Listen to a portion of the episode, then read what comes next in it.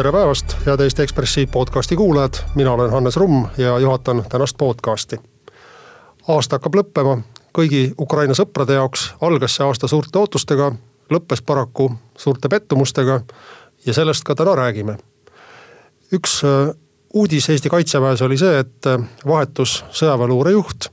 ja hea meel on mul täna siin podcasti stuudios tervitada kolonel Ants Kiviselga, tere päevast. tere päevast. Te olete uus mees äh, sellises ametis, mis on väga põnev ja, ja, ja kuulajate huvi alati äratav. rääkige palun, mida te olete senise kahekümne viie aastaga kaitseväes äh, teinud, milline on olnud teie teenistuskäik?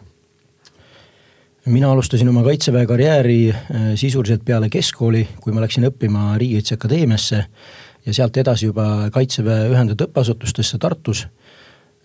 ja esialgu tegin seda piirivalve õppesuunal, misjärel, misjärel möödus teenistus siis mõned aastad piirivalve ridades Narva-Jõesuu õppekeskuses Tallinna sadamas. ja peale seda läksin juba siis kaitseväe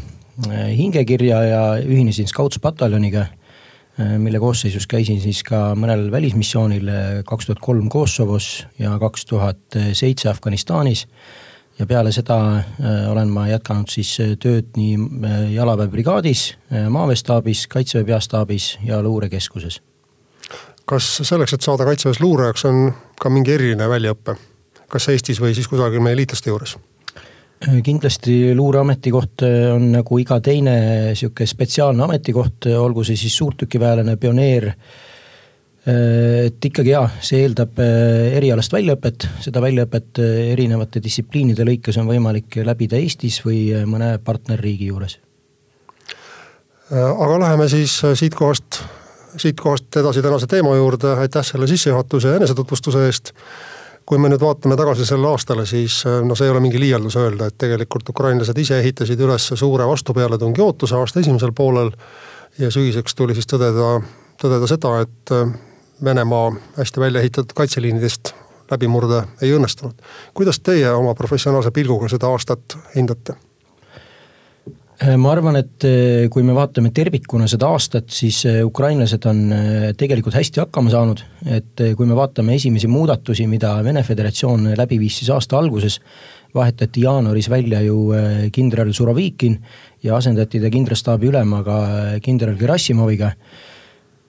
kes siis äh, alustas nii-öelda palju intensiivsemat äh, ründetegevust Ukraina üksuste vastu. ja selge on ka see, et kui ta on ka kindralstaabi ülem samal ajal Venemaal, siis tal on oluliselt parem võimalus ümber suunata ressursse, koondada üksusi ja seeläbi siis veebruaris algas nii-öelda suur või suurem pealetung Ukraina üksustele ja, ja see kulmineerus siis tõenäoliselt Bahmuti all Äh, kus siis ukrainlased äh, maikuuses äh, tagasi tõmbasid. ja Vene, Vene pool saavutas siis sihukest taktikalist edu. samas ütleme, et ukrainlased tegutsesid Bahmutis võrdlemisi targalt, nad kulutasid võimalikult palju Vene üksusi. ja sama oleme me näinud ju toimumas praegu Avdiivika ümbruses, kus siis viimase hetkeni tekitatakse siis Vene poolele väga suuri kaotusi nii elavjõus kui äh, lahingutehnika näol. nii et äh, Ukraina äh, ütleme, alustas seda aastat väga hästi. suvel alustasid nad ka omakorda pealetungi, ennekõike siis lõuna suunas, proovides siis läbi lõigata maismaakoridori Krimmi vahel. ja tegelikult seal vaadates neid suuri kaitseliine, mida on kutsutud ka selleks kindrali Surovikini kaitseliiniks. Ukrainlastel õnnestus ikkagi edeneda circa kaksteist kilomeetrit või viisteist kilomeetrit. nii et, et tegelikult on ka see võrdlemisi suur distants, mis, mis suudeti läbida, arvestades neid massiivseid kaitserajatisi ja arvestades neid vahendeid, mis ukrainlastel on kasutada nii et mina siinkohal ütleksin, et kindlasti köeti need ootused selle vasturünnaku osas suureks aga eks sõjas, tänapäeva sõjas eriti tuleb silmas pidada ka propaganda ja nii-öelda meedia eh, suurt osakaalu, kus siis ühel või teisel eesmärgil mingid asjad eh, ühe või teise osapoole pealt puhutakse suuremaks. kas siis tekitadagi ebaõigeid ootusi või, või siis on see mingi sõjaudu, millega üritatakse siis eh, mingit pettetegevust läbi viia. Aga kokkuvõtvalt võib öelda, et ukrainlased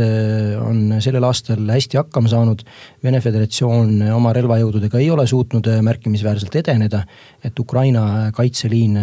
on pidanud ja samuti on nad tekitanud väga suuri kaotusi Vene relvajõududele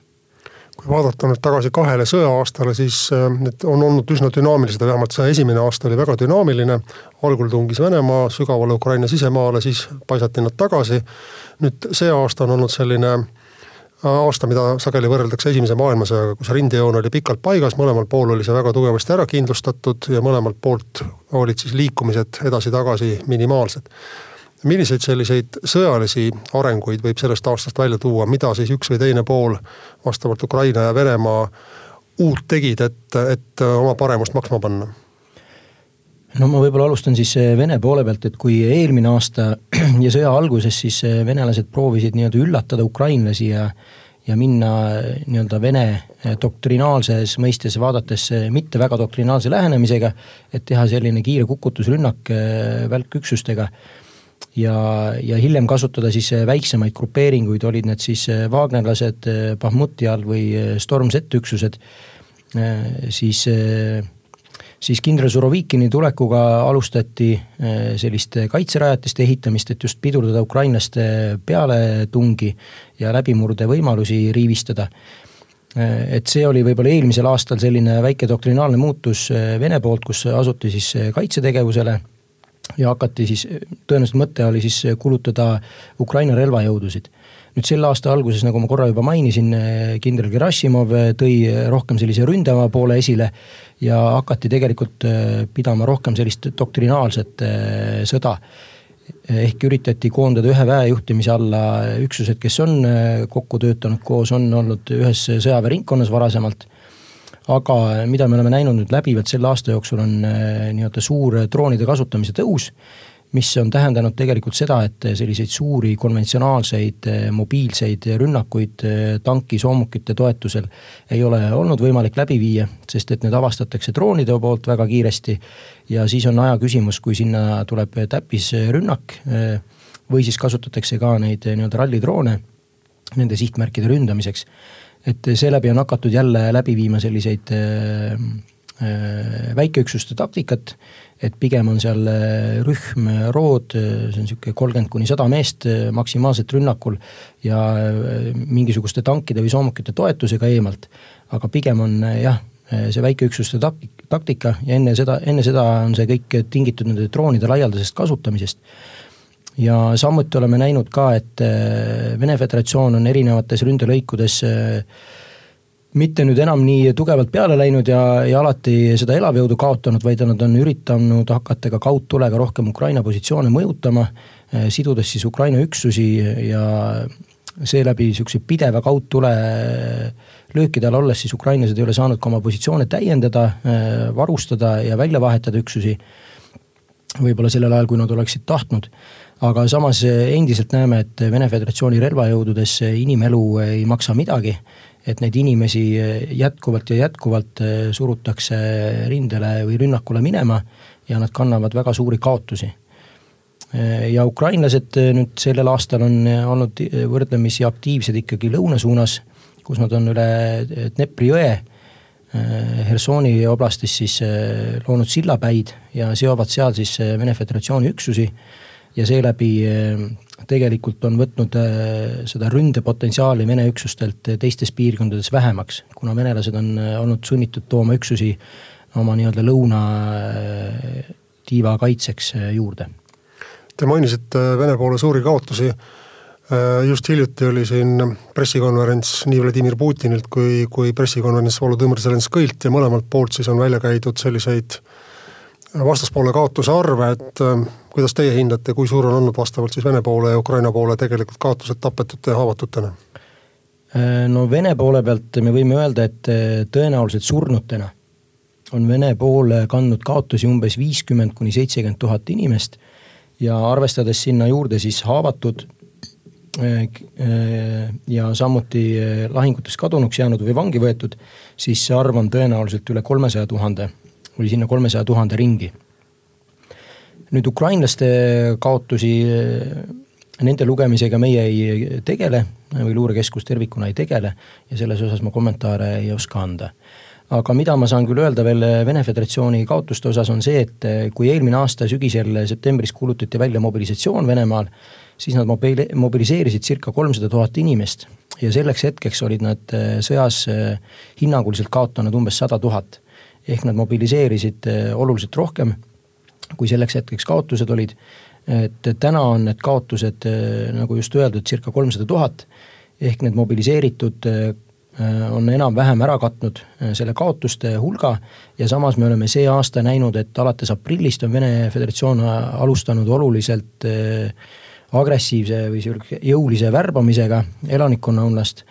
et äh, see soov on äh, mitte neid mobi-, äh, mobilisatsioone Venemaal uuesti läbi viia sellel aastal, vaid pigem need tekkinud kaotused korvata siis värvatute näol. ja, ja ütleme, et praegu me näeme seda, et, et nii palju, kui nad suudavad ühes kuus värvata, et sellega nad katavad sisuliselt need igakuised kaotused ära et, et enam-vähem pluss-miinus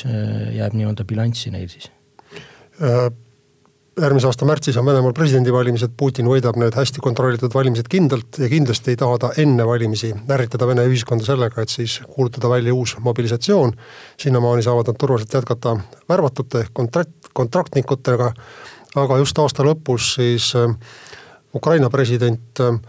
tõi avalikuks selle, et Ukraina kaitseväe juhid on teinud ettepaneku kuulutada välja uus massiivne mobilisatsioon, räägitakse lausa neljasaja viiekümnest, viiesajast tuhandest inimesest, mis tähendaks peaaegu kahe, senise Ukraina kaitseväe kahekordistamist.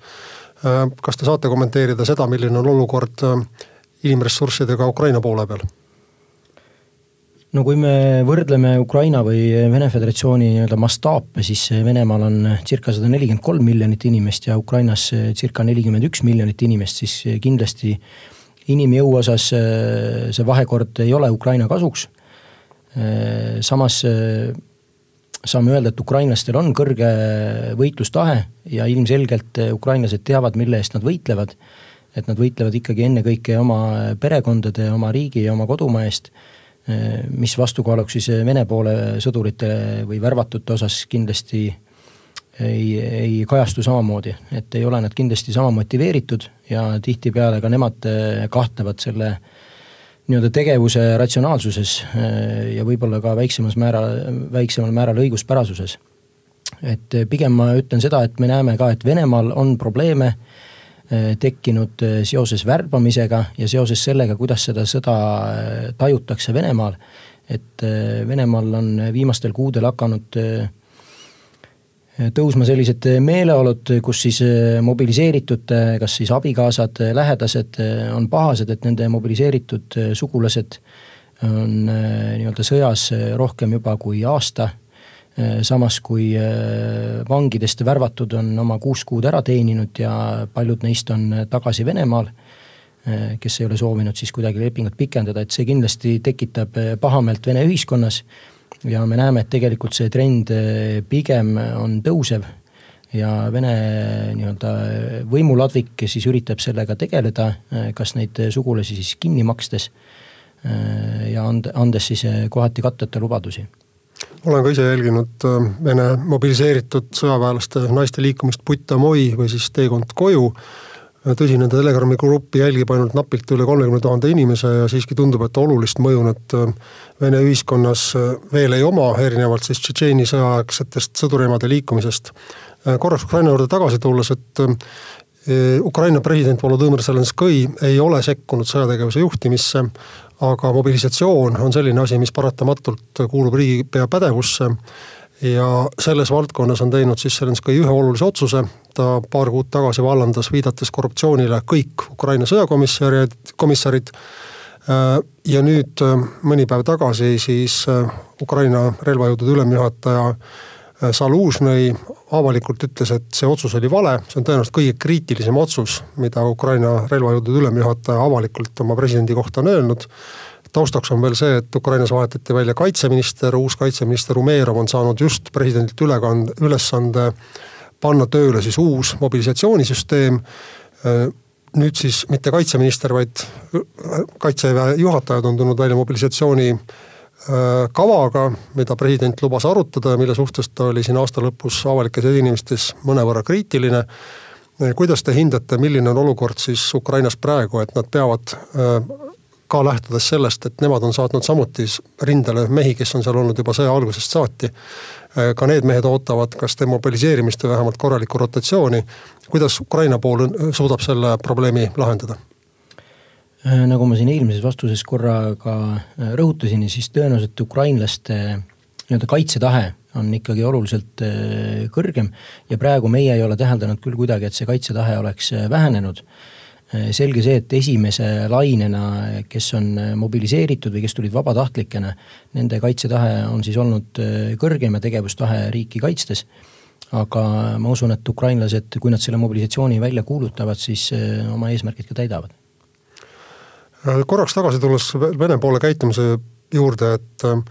et see, et Surovikin vahetati välja Gerassimovi vastu, et kas see tähendab ka seda, et selle taga oli tegelikult siis president Putini isiklik poliitiline surve, kes nõudis, et sõjavägi saavutaks edu, mida tal oli vaja siis ühiskonna rahustamiseks. aga tagantjärele tarkusega selgus, et tegelikult Surovikini strateegia, mis seisnes siis kaitserajatiste kaitsele keskendumises oli pigem nutikam ja Gerassimovi selline poliitiliselt tellitud pealetung tegelikult maksis venelastele lihtsalt mõttetuid, tähendas venelaste jaoks mõttetuid kaotusi. jaa,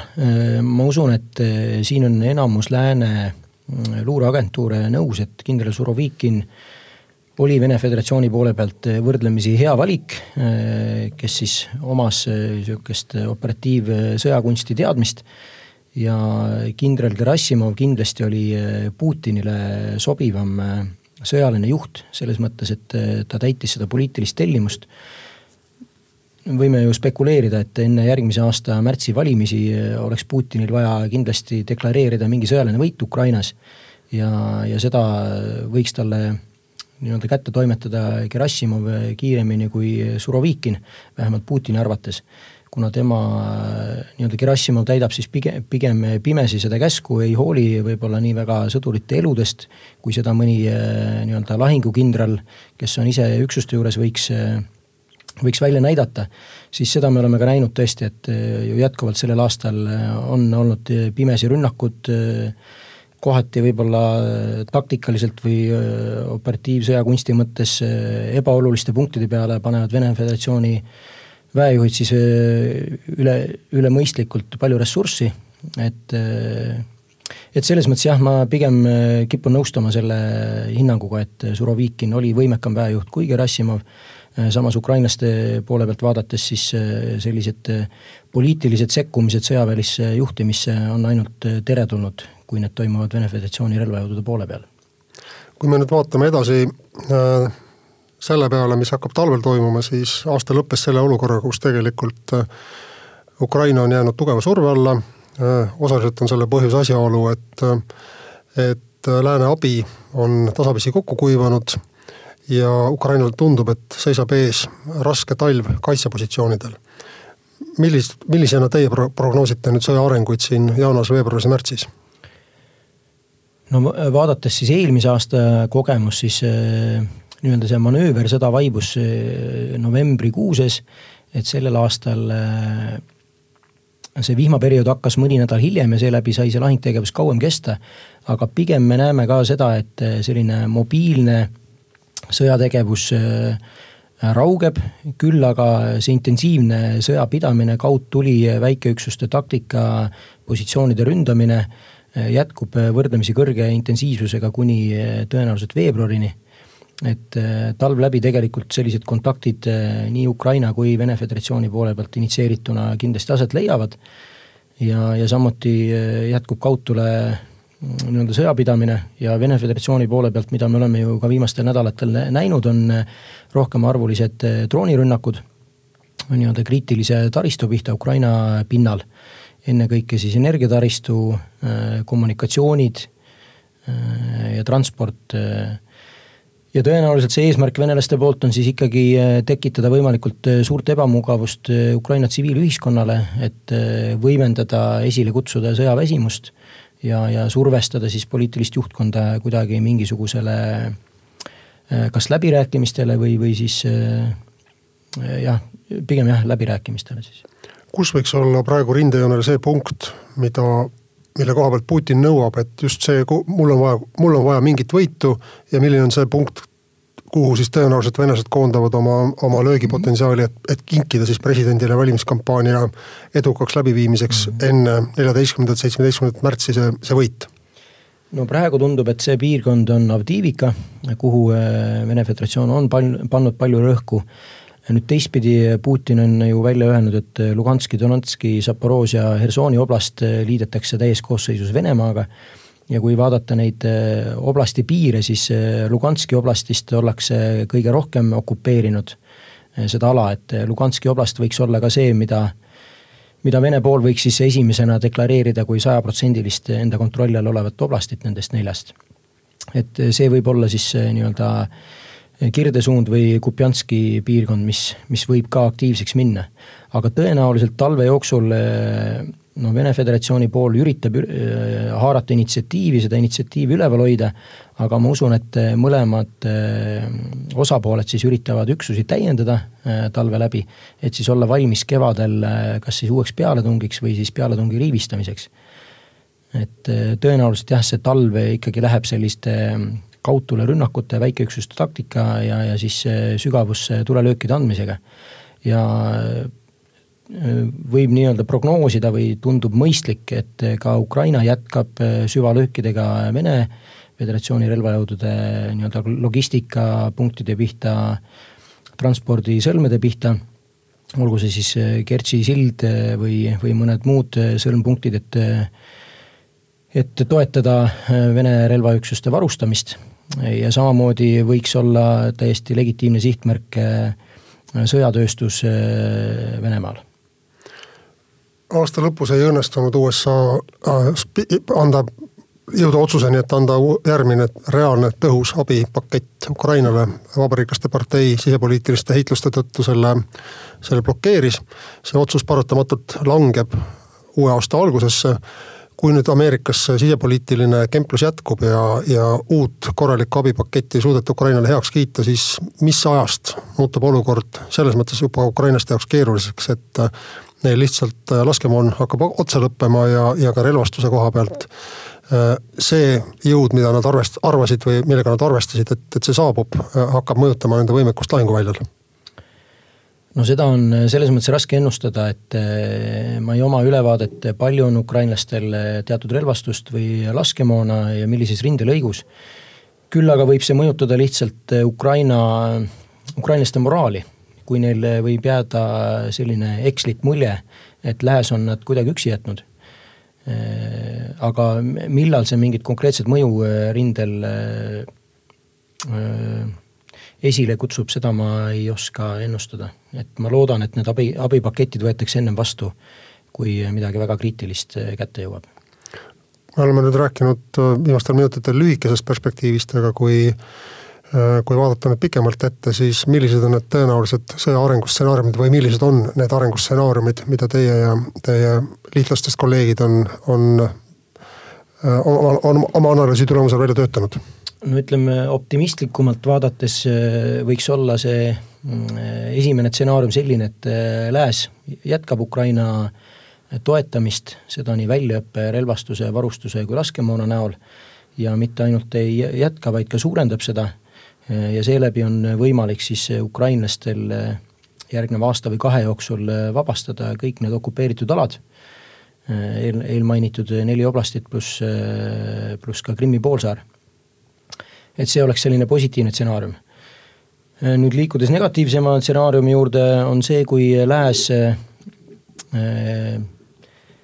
ei jätka seni, senises mahus abi andmist, mis võiks tähendada seda, et ukrainlastel äh, ei õnnestu okupeeritud alasid äh, vabastada ja, ja on võrdlemisi väljakutsete rohke hoida siis äh, seda rindejoont. see tähendab siis tõlkes seda, et Ukraina võib olla negatiivse stsenaariumi puhul, negatiivse arengu puhul äh, ka vaja, neil tekib vajadus rindejoont tõgendada ja, ja oma positsioon tagasi tõmmata. No kõige negatiivsema stsenaariumi puhul, kui me räägime mitme aasta perspektiivis, perspektiivist ja lääne nii-öelda toetuse katkemisest ja olukorrast, kus Ukraina enda sõjatööstus ei suuda ka tagada nõutud hulka siis laskemoona, siis selline perspektiiv võib olla tõenäoline. vaatame korraks Venemaa poole peale, et, et tundub, et Vene riik, mis on ka tegelikult autoritaarse riigina lihtsamini juhitav, on sõja tingimustes paremini kohanenud. selles mõttes, et paljude kaupade tootmine on suudetud käima panna siseriiklikult nendes valdkondades, kus varem sõltuti siis lääne ekspordist ja seda mitte ainult strateegiliste kaupade osas, vaid ka esma, esmatarbekaupade osas. kas te olete selle hinnanguga nõus, et Vene majandus on ümber häälestatud sõjaajastu režiimile ja, ja tegelikult see annab Vene poolele eelise võrreldes siis Ukrainaga, kus sõjatingimustes ongi raske oma kaitsetööstust arendada ja mille puhul siis on ka selge, et liitlased ei ole tegelikult suutnud, Euroopa liitlased ei ole suutnud kohandada oma kaitsetööstust sõja nõuetele vastavaks no kõigepealt eh, kindlasti autokraatsel riigil on igasuguseid muudatusi eh, riigis eh, lihtsam ja kiirem ellu viia kui demokraatlikes riikides. ja Vene sõjatööstuse koha pealt jah, saan kinnitada, et Vene sõjatööstus on läinud äh, kas siis nüüd sõjaaja režiimile, aga nad on eh, igal juhul pannud oma tehased mitmes vahetuses tööle, eh, nad on suurendanud oma moona tootmist eh, märkimisväärselt. ja selles osas on nad olnud nobedamad, kui on olnud lääneriigid, aga jätkuvalt lääneriikide potentsiaal on oluliselt suurem, kui seda on Vene, Vene Föderatsiooni oma, kui lääneriigid niimoodi otsustavad et kui need tööstused pannakse suurema, suuremates tuurides tööle, siis kindlasti Lääs äh, suudaks äh, üle toota äh, siis Vene Föderatsiooni nii-öelda tootmismahud ja arvestades siis seda ka, et lääne tehnoloogia on oluliselt nii-öelda tänapäevasem ja targem, et siis tegelikult lääne moona sama efekti saavutamiseks kulub kordades vähem kui Vene Föderatsiooni poolt toodetud moona. kuidas te hindate Ukraina võimet oma kaitsetööstust arendada, esiteks on riigil väga suur äh,, väga suuri raskusi kaitsetööstuse rahastamisega või üldse riigi üleval hoidmisega, sest maksutulud on loomulikult vähenenud olukorras, kus majandus on halvatud. Ja, ja teistpidi on siis ka riik ja riigi kriitilised sõjalised strateegilised objektid pidevalt Venemaa rünnakute all jaa, no täpselt needsamad põhjused, mis te välja tõite ja pluss lisaks veel et ega lääneriigid reeglina sellisesse sõjatööstuspiirkonda või tähendab, sõjapiirkonda ei taha oma tööstust äh, püsti panna. Et selles mõttes on see ukrainlastele kindlasti jätkuv väljakutse, aga samas me teame, et ukrainlased on pannud äh, suurt rõhku droonide tootmisele ja see droonide kasutamine tänapäeva nii-öelda sõjas Ukraina tingimustes on äh, ikkagi väga väga märkimisväärne, et siin võib välja tuua statistika, et circa ühes kuus Ukraina kaotab umbes kakskümmend tuhat drooni ja venelastel vastu siis circa kuuskümmend tuhat drooni. See tähendab, sinna hulka on arvestatud nii vaatlusdroonid kui ka ründedroonid. et see annab siis tegelikult sellest mastaabist niisuguse põgusa ülevaate, et circa kaheksakümmend tuhat drooni kuus leiab selle kasutust ja mitte ainult kasutust, vaid ka siis äh, hävitamist selles mõttes. et äh, see õhk on nendest droonidest äh, võrdlemisi tihe rindelõikudes. nii et kindlasti see on üks sõjatööstusharu, mida Ukraina tahab arendada ja on sinna pannud ka oma ressursse ja, ja sellega üritatakse siis nõudlusega ja pakkumisega sammu pidada. no siin sõja ajal on mitu korda juhtunud, et rahvusvaheliselt on siis Ukraina liitlaste seas tekkinud ootus, et nüüd Ukraina saab mingi uue sõjalise võimekuse, näiteks HIMARS-ide kasutuselevõtt. et see on siis nüüd nagu mängumuutja või inglise keeles game changer. Äh, need on olnud olulised uued arengud, aga nad ei ole siiski sõjast, sõjas otsustavat pööret toonud, et nüüd üks asi, millest kahe tuhande kahekümne neljanda aasta kontekstis räägitakse, on siis see, et et Venemaa on nautinud üleolekut äh, äh, õhuväe osas. Ja et kui nüüd liitlased hakkavad lõpuks panustama kaks tuhat kakskümmend neli ka Ukraina õhuväe, õhuväe võimekuse suurendamisesse, et siis see on midagi sellist, mis tegelikult esimest korda tagab Ukrainale ka rünnakupotentsiaali, et milline olukord õhuväe võimekuse osas kaks tuhat kakskümmend neli teie hinnangul olema hakkab? no võib-olla jah, ma korra vastaksin kõigepealt sellele, et kas see ühe uue vahendi toomine lahinguväljale on game changer või mitte. et tegelikult on ikkagi see ühendväeoperatsioonid, kus siis õhk, maa, meri, küber Äh, võimed äh, töötavad koos, on see, mis tegelikult äh, tagab edu, et kui me räägime ka ukrainlaste pealetungist näiteks Tokmaki suunas, siis see, kui antakse lääne soomukaid või tanke, noh, ei taga seda, et oleks võimalik sellisest komplekssest kaitserajatiste vööndist läbi minna. sest et see noh, eeldab tegelikult väga mitme väeliigi head koostööd ja erinevaid vahendeid, et kõigepealt on võimalik äh, Äh, maha suruda vastase kaudtuleüksused, mis katavad neid äh, kaitserajatisi, see tähendab, et sul peavad olema endal kaudtuleüksused, mis on võimelised laskma kaugemalt kui vastase omad, ehk sa oled nende tuleulatusest reeglina väljas, äh, saad mõjutada neid kaudtuleüksusi, hakata miiniväljadest läbipääse rajama, peavad olema miinitraalid, samamoodi peab sul olema piisav õhutõrje, et vastane ei saaks tellida lähiõhutoetust kopterite või ründelennukite näol. Ehk, ehk see on sellise, selles mõttes see komple-, kompleksne lähenemine, et kui nüüd äh, ukrainlastele pakkuda F-15 äh, lennukeid, siis äh, kindlasti see aitab ukrainlasi, aitab võib-olla õhus seda mm, tasakaalu saavutada või mõnes piirkonnas ka õhu ülekaalu saavutada, aga, aga see üks nii-öelda vahend, olgu see siis lennuvahend, ei too nii-öelda sellist muutust nüüd rindel, et peale seda Ukraina on justkui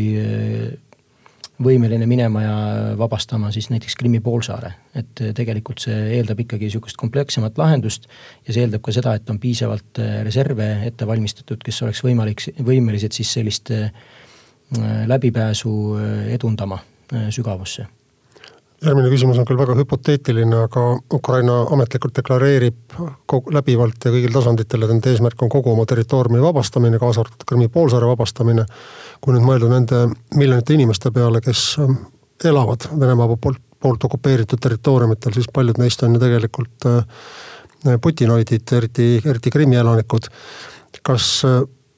kas Ukraina poole pealt on kuidagi läbi mõeldud ka see stsenaarium, et kui tõepoolest õnnestub need territooriumid tagasi võita, siis mida teha selle väga arvuka elanikkonnaga, kelle meelsus Kiievi suhtes on olnud läbi aastakümnete üsna vaenulik?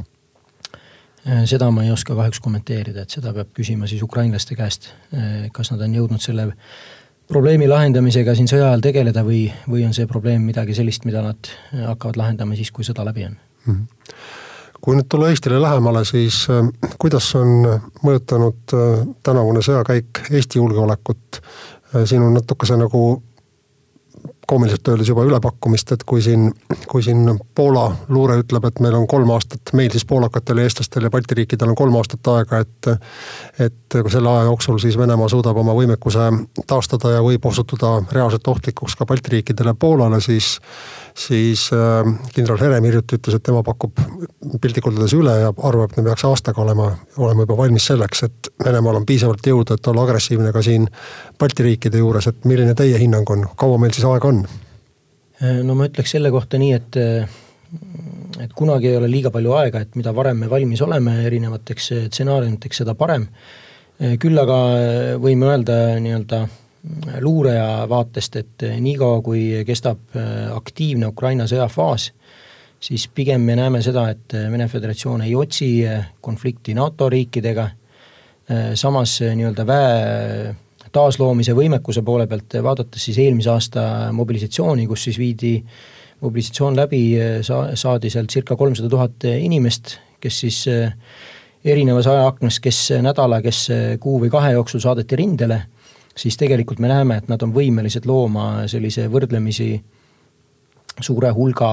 või suure kontingendi inimesi, keda nad on võimelised rindele saatma siis eh, väikse ajaga.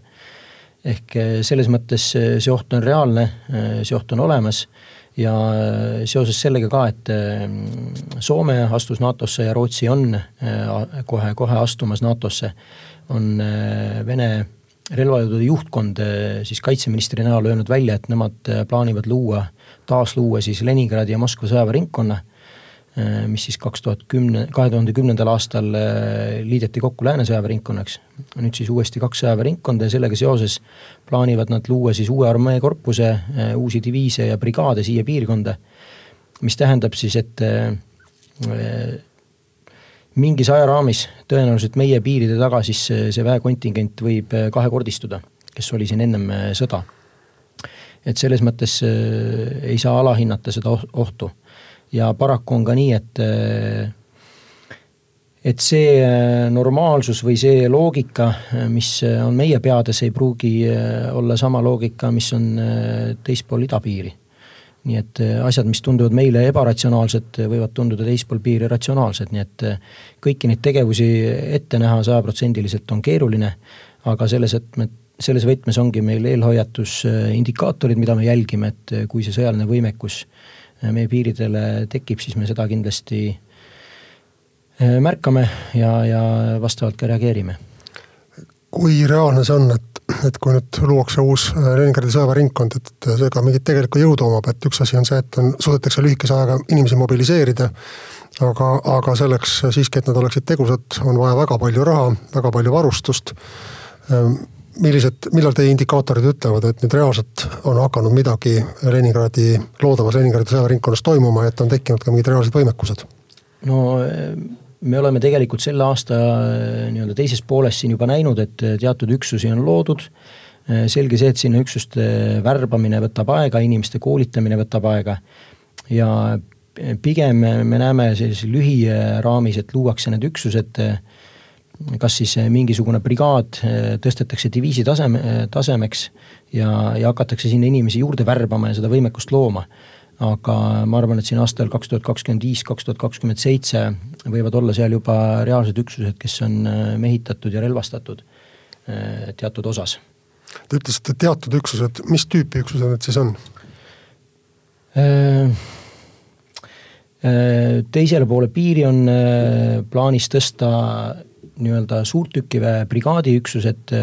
diviisi staatusesse, ehk siis suurendada isikkoosseisu relvastust plaanis on luua siis ühendväe, ühendvägede armee. et, äh, et selles mõttes neid üksusi pigem on jah, äh, ikkagi sellised konkreetsed lahingüksused ehk motoriseeritud brigaadid, suurtükiväe brigaadid luua diviisiks. et jah, pigem, pigem on ikkagi lahingüksused, mitte tagavad mingid logistilised üksused. millises olukorras on praegu Pihkva dessantdiviis, mis on olnud läbi aastate Venemaa eliitüksus ja mis äh, sai väga kõvasti kannatada äh, välksõja alguses kahe tuhande, kahe tuhande, vabandust, kahekümne, kahe tuhande kahekümne teisel aastal. millises olukorras nad praegu on? Äh, noh, siin võib läheneda kas positiivsest või negatiivsest küljest, et et kindlasti on seitsmekümne kuuendast ründedessantdiviisist väga paljud üksused või, või isikkoosseis Äh, saanud surma, äh, saanud sellisel kujul haavata, et nad enam äh, nii-öelda tegevteenistuseks kõlbulikud ei ole, aga samas need inimesed, kes on siis seal sõjas ellu jäänud, on kindlasti väga suure lahingkogemusega. mida nad siis saavad edasi nii-öelda väljaõppes edasi anda. aga samas me näeme ka seda, et nüüd sõja nii-öelda pidevas kulgemises on see, selle õhudessantdiviisi üksuste ülesanded muutunud, pigem on nad muutunud äh, jalaväe sarnaseks. et nad tegelikult hakkavad kaotama oma sellist elitaarsust ja need uued äh, mobiliseeritud, kes sinna on liidetud, pigem on saanudki jalaväelase väljaõpet ja nad tegutsevad äh, tihtipeale koos jalaväeüksustega kõrvuti nii-öelda jalaväe rollis, et selles mõttes selles mõttes jah, see elitaarsus on, on langenud, on kandnud äh, suuri kaotusi, kogu see üksus. ja meie piiride tagant siis circa kaks kolmandikku sellest üksusest on läinud. ja need, kes siin meie piiride taga oma alalistes paiknemiskohtades on, on pigem siis üksused, kes tegelevad siis äh, väljaõppega, on need siis ajateenijad või mobiliseeritud kui ma jälgin ühismeedia organisatsioonis Kontakt ja seitsmekümne kuuenda diviisi kontot, siis, siis seal on kahte tüüpi postitusi, ühed on siis sellised, mis glorifitseerivad hukkunud Pihkva dessantväelasi, aga hukkunud on siis, kirjeldatakse või mälestatakse neid inimesi, kes on hukkunud pool aastat või aasta tagasi. ja teiselt poolt avaldatakse, avaldatakse siis igapäevaseid postitusi, reeglina korralikult tehtud videosi sellest, kui edukalt siis praegu nüüd, just täna Pihkva dessantväelased ühes või teises rindelõigus Ukrainas võitlevad. kuidas te hindate sellist äh, psühholoogilise mm, sõja osa, et, et kui hästi see mõjub, sest kui me vaatame nüüd Venemaad tervikuna, siis eelkõige inimesi värvatakse ju sõjaväkke sellistest oblastitest, mis on majanduslikult viletsal järjel, nii nagu Pihkva oblast. Ja, ja mulle tundub, et Pihkla oblastis võib-olla see ongi nagu tegelikult väga paljude meeste jaoks üks võimalus, kuidas oma elule mingi tähendus saada, et ühelt poolt sa hakkad tegema midagi, mille eest sulle makstakse korralikult ja mille puhul on ka kindel sotsiaalne garantii, et kui sinuga midagi juhtub, siis sinu omastel läheb rahaliselt hästi. ja teistpidi su elu, mis muidu möödub kusagil kas traktoriroolis või külapoe taga, omandab mingisuguse sellise suurema tähenduse, sa võitled oma kodumaa eest Äh, kindlasti sellisel propagandal on äh, Vene Föderatsioonis väga oluline tähtsus, et äh, ma arvan, et seal on terve põlvkond praegu üles kasvamas, kes siis on pidevas sellises propagandamullis elanud ja, ja selles mõttes usuvad kõike seda, mida nad telekast näevad. nüüd samas tuues siis näiteid sellest samast õnnestunud rünnakutest või vastupidi, siis koju saabuvatest kirstudest, eks see ongi selline paralleelne